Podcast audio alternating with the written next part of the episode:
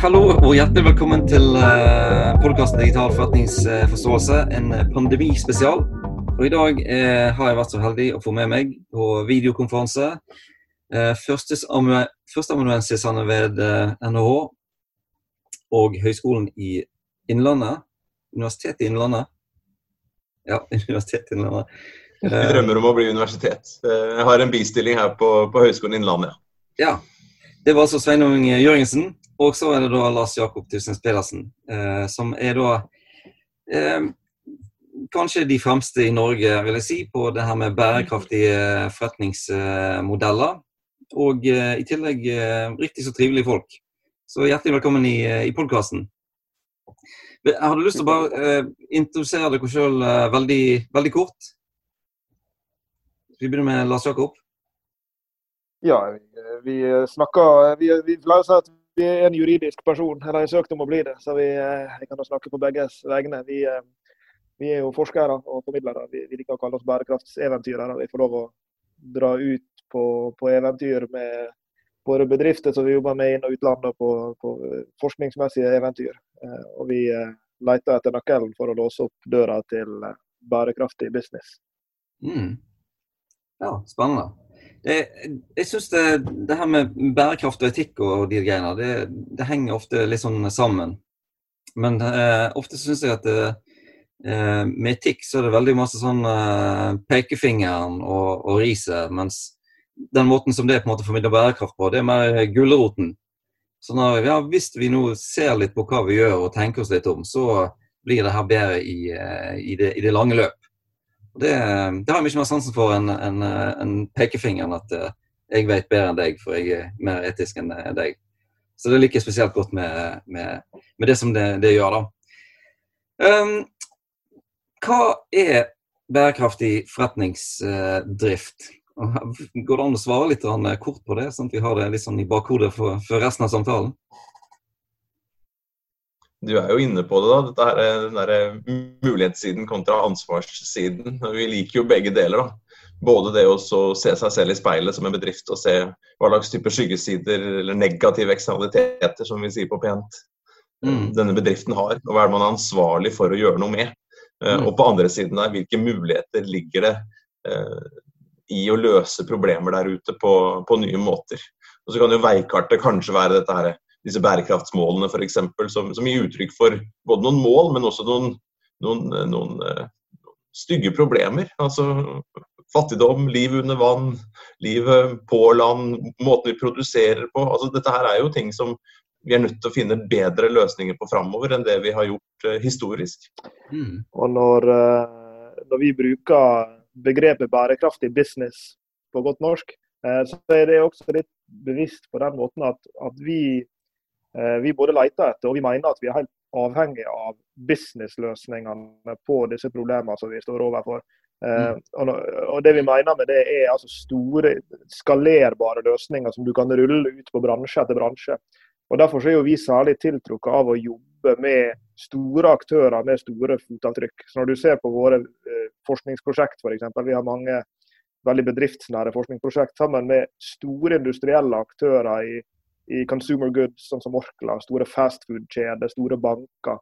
Eh, altså, så, så, Det som virkelig tenner oss, er nær sagt ikke de små Eh, vi syns det er flott med sånne less is more, small is beautiful forretningsmodeller. altså Veganske kafeer hvor du kan spise bestikket og i det hele tatt. Altså det, det, er supert. Men hvis vi skal klare å komme oss ut av den veldig omfattende eh, bærekraftssmørja vi står midt oppi, eh, så vil vi trenge store, skalerbare eh, businessløsninger. Mm. Wow, ja, det, det, handler litt om å, liksom, å, se sin egen plass i uh, ikke bare i, uh, måte, i, forretningsmiljøet, men i hele verdensmiljøet og hele verdens uh, ressurssituasjon, rett og slett.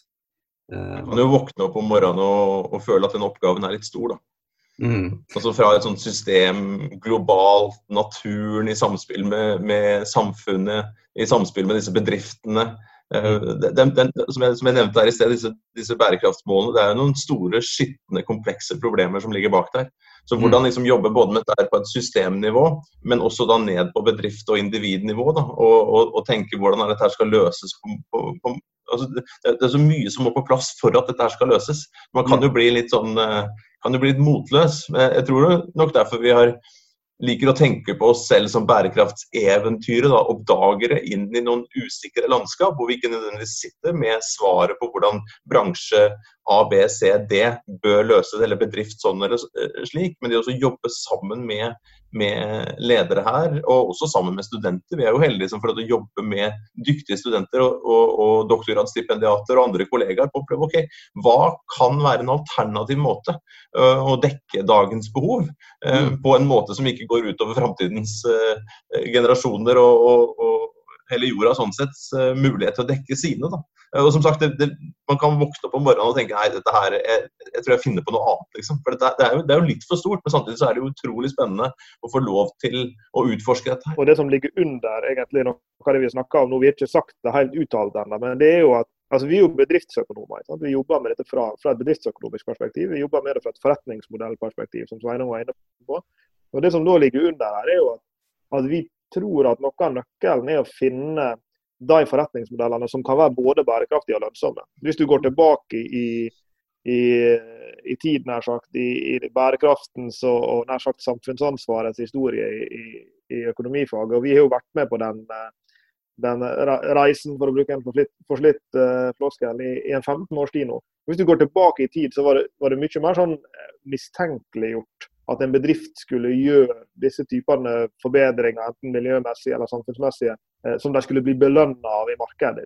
Men, men, heldigvis vil vi si da, har vi jo nå kommet til et punkt hvor det begynner å bli et konkurransefortrinn i mange bransjer å være mm. den grønne aktøren. Eh, og, og, ikke minst når etter hvert som disse problemene her, eh, enten det er livet på land eller livet i havet eller hva det måtte være, blir større og større og større, så er jo også payoffen større for de som kan komme med løsningene for å komme oss ut av dette. her. Eh, enten det er grønne teknologier eller det er grønne forretningsmodeller. Et eksempel det er jo slående at vinneren på Oslo Børs de siste to åra er jo et, eh, et, selskap som bidrar med renseteknologier og clean-teknologi til, til, maritim næring og andre næringer. Scanship, eller VAU, som de nå skifter navn til. Og, og, Det er jo et godt bilde på at, at vi får en ny det generasjon av vinnere som rigger forretningsmodellene sine for å ta, ta oss med inn og, og gjennom det grønne skiftet. Mm. Det der, det der synes jeg er eh, interessant. for jeg husker I min egen studietid så var det jo da var det på en måte straff som skulle få folk til å være bærekraftige. Du skulle legge en, eh, For, liksom å, for de skal produsere mindre, så må du legge på en skatt. Du må på en måte straffe folk for å gjøre det riktige. Mens eh, som jeg sa i stad, så liker jeg nå at vi ser på hvordan vi kan belønne folk. og at markedet har begynt å belønne folk for å gjøre ting riktig, det syns jeg er, er, veldig bra. Ja, kan vi snakke litt om dette senteret, uh, Center for Sustainable Business, som det faktisk har rak, uh, rukket å fått på, i, på luften nå under selve koronakrisen? Det er jo pleier at vi, at vi gikk ut fra feilvareavdelinga på NHO på begynnelsen av 2000-tallet og hadde skjønt egentlig ganske lite av hva vi hadde lært. Eh, og Vi begynte å stille en del spørsmål med hva vi hadde lært. Om det gikk an å tenke f.eks. mer sirkulært, hvor man har tenkt lineært og produsert og kasta. Eh, og Det var fornuftig økonomi på den tiden der. Og så liksom, Fins det andre måter å gjøre dette på? Hva slags, kan man da tenke mer sirkulært? Alt fra resirkulering til gjenbruk til, til å tenke produkter som tjenester osv. Så, videre. så den reisen som Lars Jakob nevnte, disse 15 årene fra vi gikk ut fra siviløkonomer med, med opprykk og gjennom doktorgradene våre, Eh, det å jobbe med å utforske dette her, eh, og nå da mot å lage et sånn type senter eh, hvor, hvor da denne bærekraftige forretningen står, står, i sentrum. Og Der er jo det nær sagt to, det er særlig to sider vi, vi er glad for ved, ved, dette senteret. To egenskaper ved det som, som, vi er veldig glad for. Det ene er at vi har klart å trekke sammen et, et ganske eh, tverrfaglig, i alle fall innenfor en handelshøyskole, eh, tverrfaglig miljø på den måten at vi har vi er jo tilknyttet selv Institutt for regnskap, og vi har andre regnskapsforskere med oss. Vi har eh, spesialister på, på marketing og consumer behavior, vi har psykologer, vi har finansforskere. Eh, så vi har klart å trekke sammen de, de typene forskere som sammen kan belyse disse, eh, disse nye forretningsmodellene, disse nye eh, atferdene. Det skal vi kanskje komme tilbake til senere i, i samtalen. For det, det, veldig mye av det handler jo om å legge til rette for nye typer atferd. Altså kundeatferd, investoratferd osv. Hva er mm. atferdene vi trenger? Eh, så, så, Det er den ene sida ved, ved, senteret som vi er veldig glad for. Eh, og det, det, andre vi er veldig glad for, er jo at vi har et, eh, et ekstremt tett og, og rikt samarbeid med næringslivsaktører. Så vi har jo flere store eksternfinansierte forskningsprosjekt sammen med bedrifter som Orkla, det Umo-gruppen, Waste IQ og BIR her i Bergen. Så både større og mindre aktører fra ulike bransjer, og som vi jobber veldig veldig tett sammen. Mm. Det er jo veldig, eh, det er jo ekstra kjekt at disse storbedriftene òg vil være med på denne bærekraftsoppdagelsesreisen som det er på en måte satt, satt, litt i gang. Veldig bra.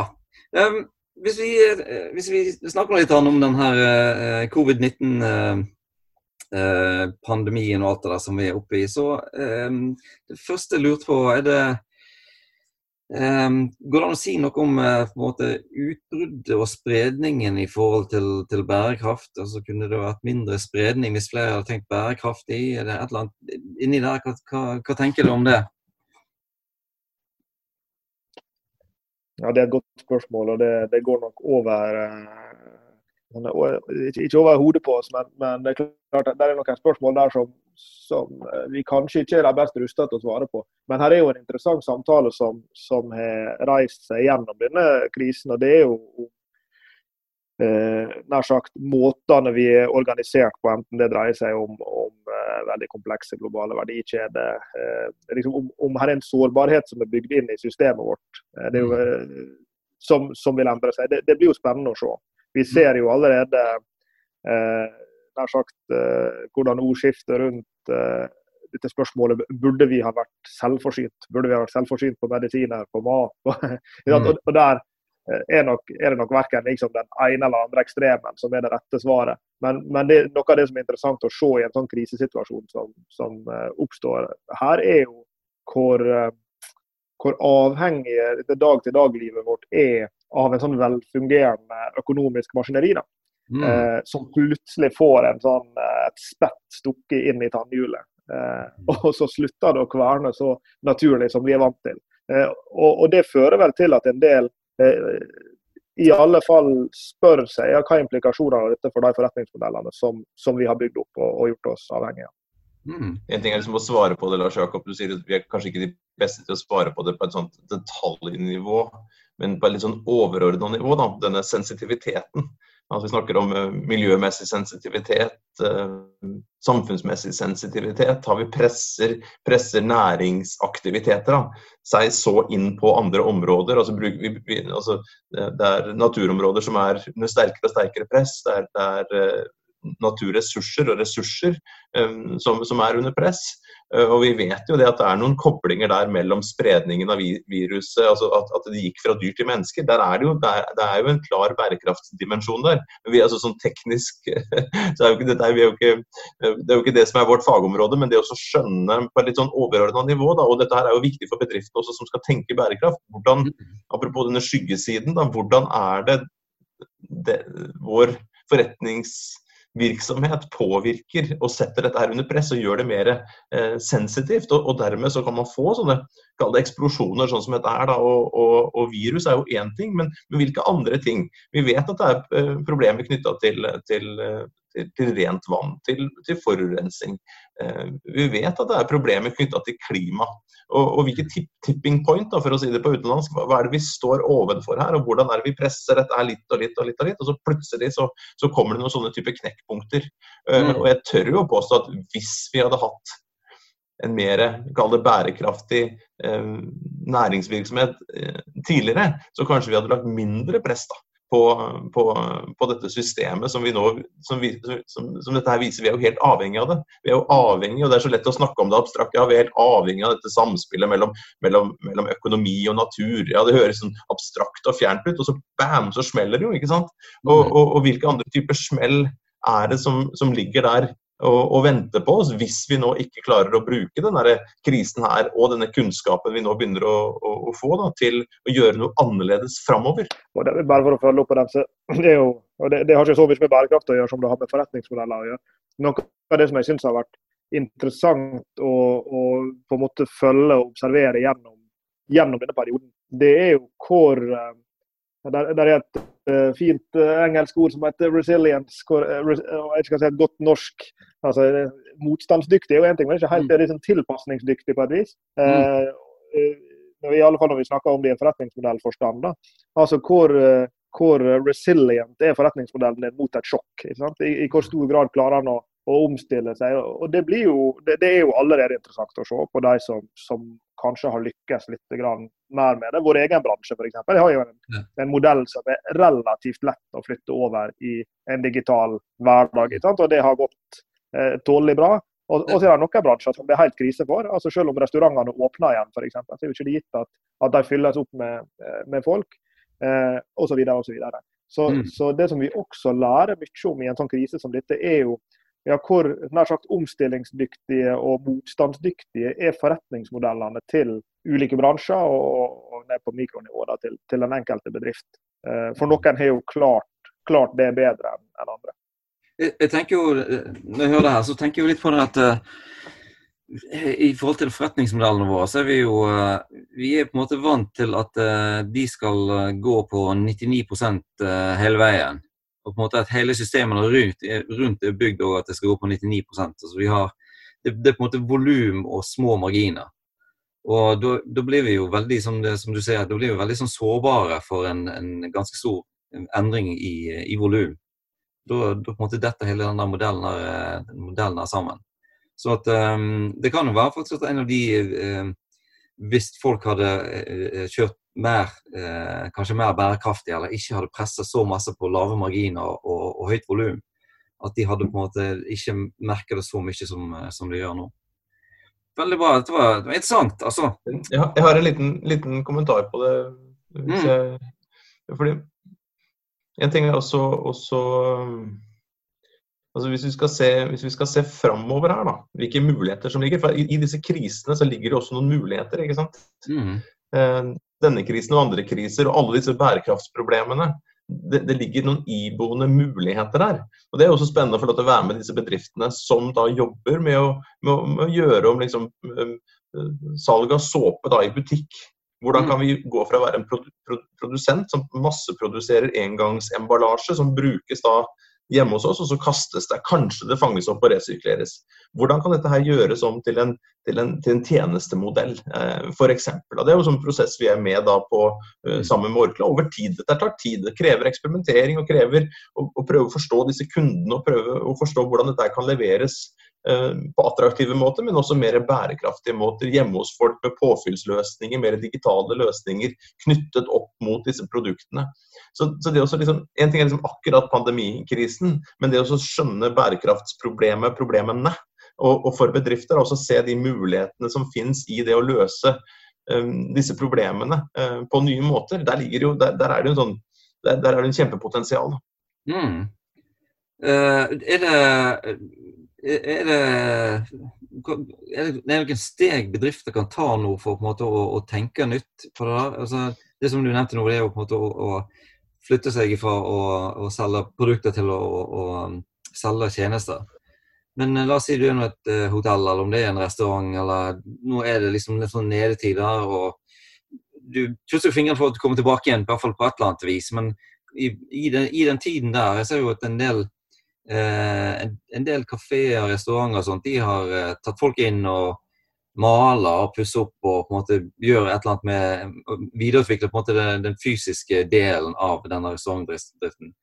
Men hva slags eh, Er det noen første steg som vi kan ta for å tilsvarende rydde opp i bærekraftmodellen eller bærekraftaspektet av, av ulike virksomheter?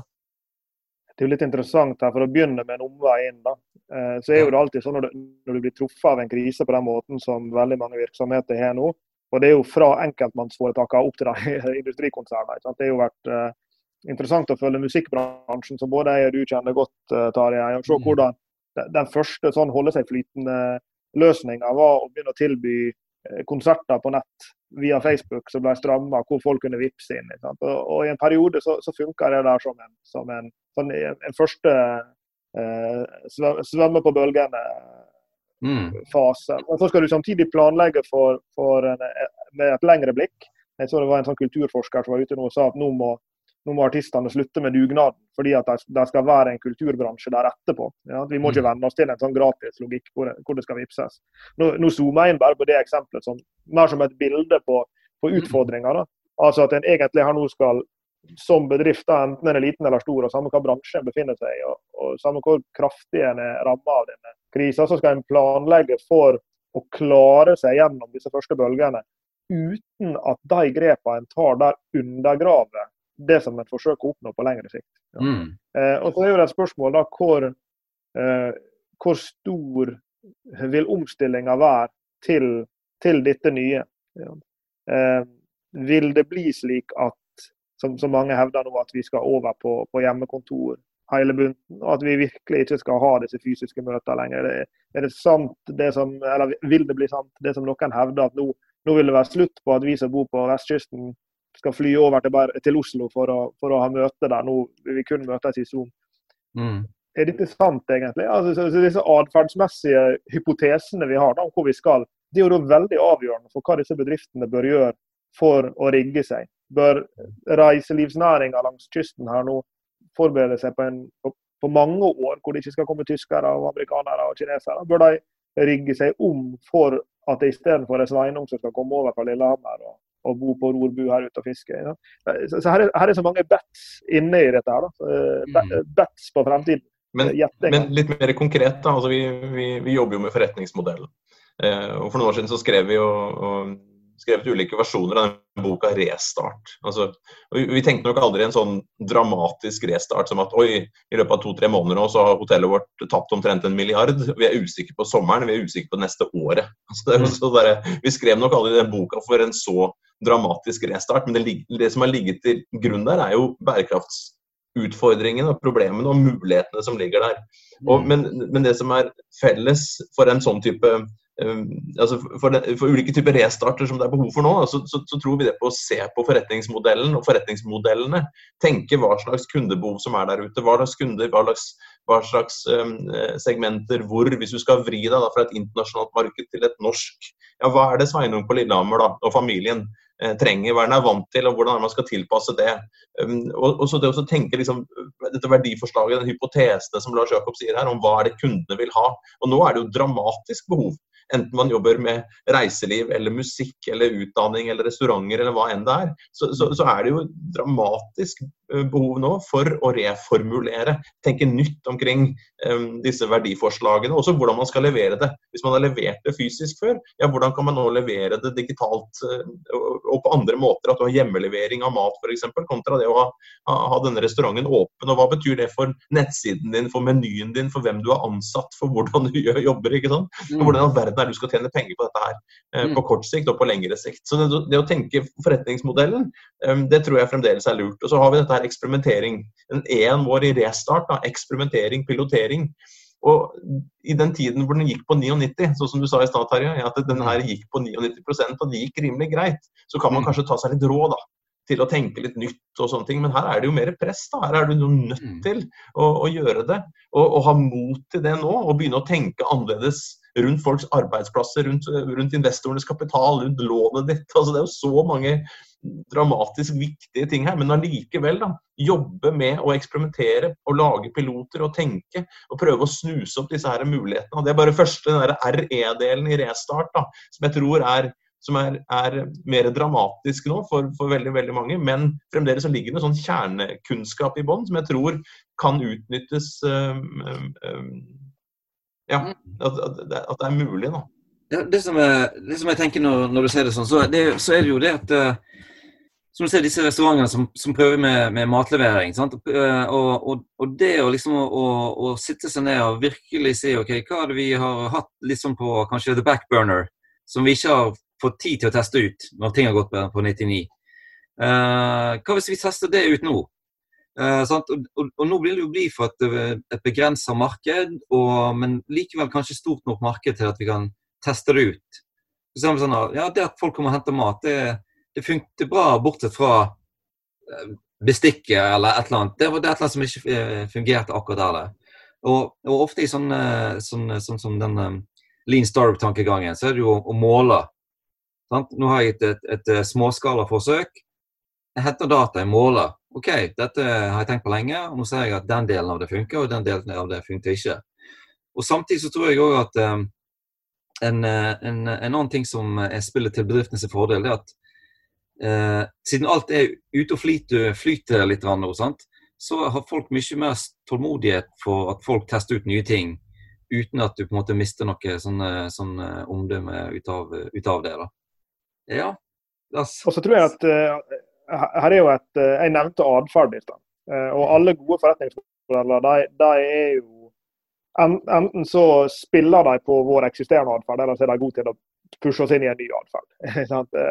Tenk bare på når, når Airbnb og Uber og disse aktørene her kom på banen og klarte å etablere ganske, relativt raskt liksom helt nye typer atferd. Ikke bare skulle jeg være villig til å bo hjemme hos Tarjei heller enn på hotell når jeg kom eh, til Bergen. Eller vi bor jo her begge, da.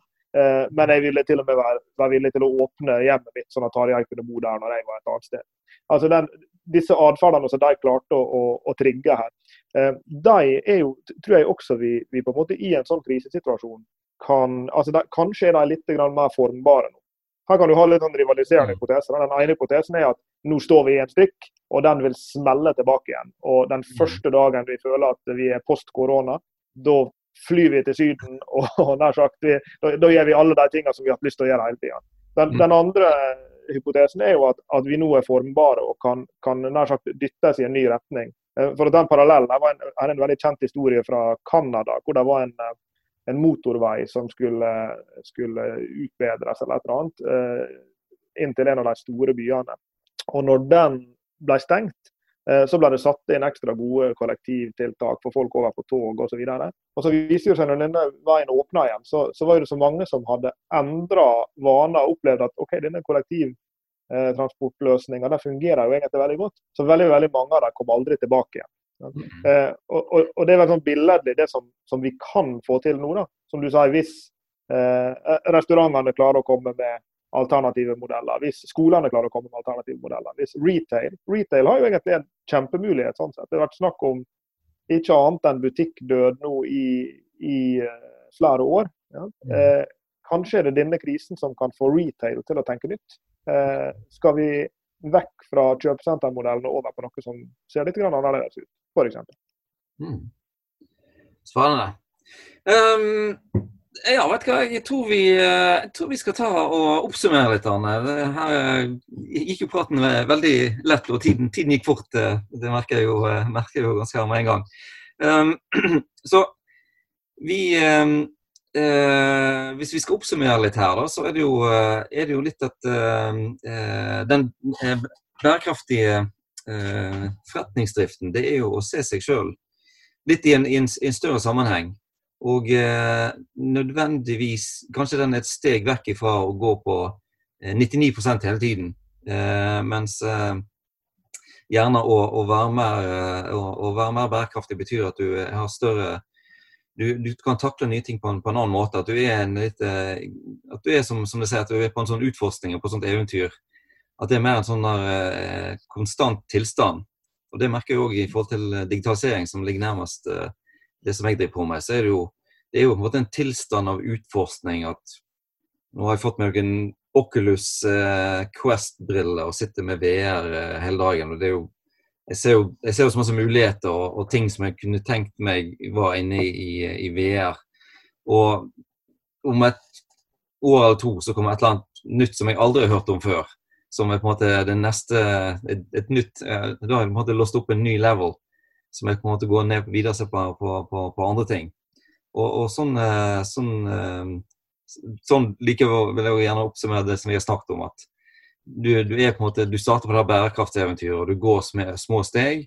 Og akkurat nå har vi muligheten til å teste ut eh, eh, nye ting i småskala, og, og, og kanskje nudger litt i atferden til folk om at eh, ja, hva hvis vi flytter oss litt bort her? Vi må ikke sprinte til andre siden av byen. Men vi vi er liksom litt i nabolaget, men vi prøver liksom å gjøre en ting som er, som er, som er litt bedre. Eh, at det vil eh, gjøre oss til styrke når vi, når vi kommer ut av krisen, og samtidig litt mer forberedt på, på, nye, på nye, kriser som kan komme senere. Det hadde noe det Høres ut som en, en, grei oppsummering? Jeg tok litt mye plass her. Jeg syns absolutt det. Altså, sånn som vi har snakket om her også, det å ikke tenke tilbake til, men fram mot noe. Ja. Altså ikke, At vi ikke skal tilbake, men at vi skal framover. Og at, at, dette her, midt i krisen, midt i smerten, um, at det ligger noen nye vaner, som du oppsummerer så fint her. Og det ligger noen nye muligheter. Vi vet ikke helt hva som er bak neste sving, men vi veit vet jo litt nå med fasit i hånden at vi har gjort en del grep de siste par-tre hundre årene mm. um, som har ført til veldig mye godt. Men her må det kunne gjøres eh, ting litt smart. Mm. Ja, flott. Ja, men Da vil jeg si hjertelig takk for at jeg tok tiden til å prate litt med meg i, i dag. Og um, Så kan jeg anbefale folk å, å søke opp uh, CSB, Center for Sustainable Business, på, på NHH og, og se på hva vi har gjort der. OK, takk skal du ha. Takk skal du ha. Ja, da har vi, har, har vi slutta her.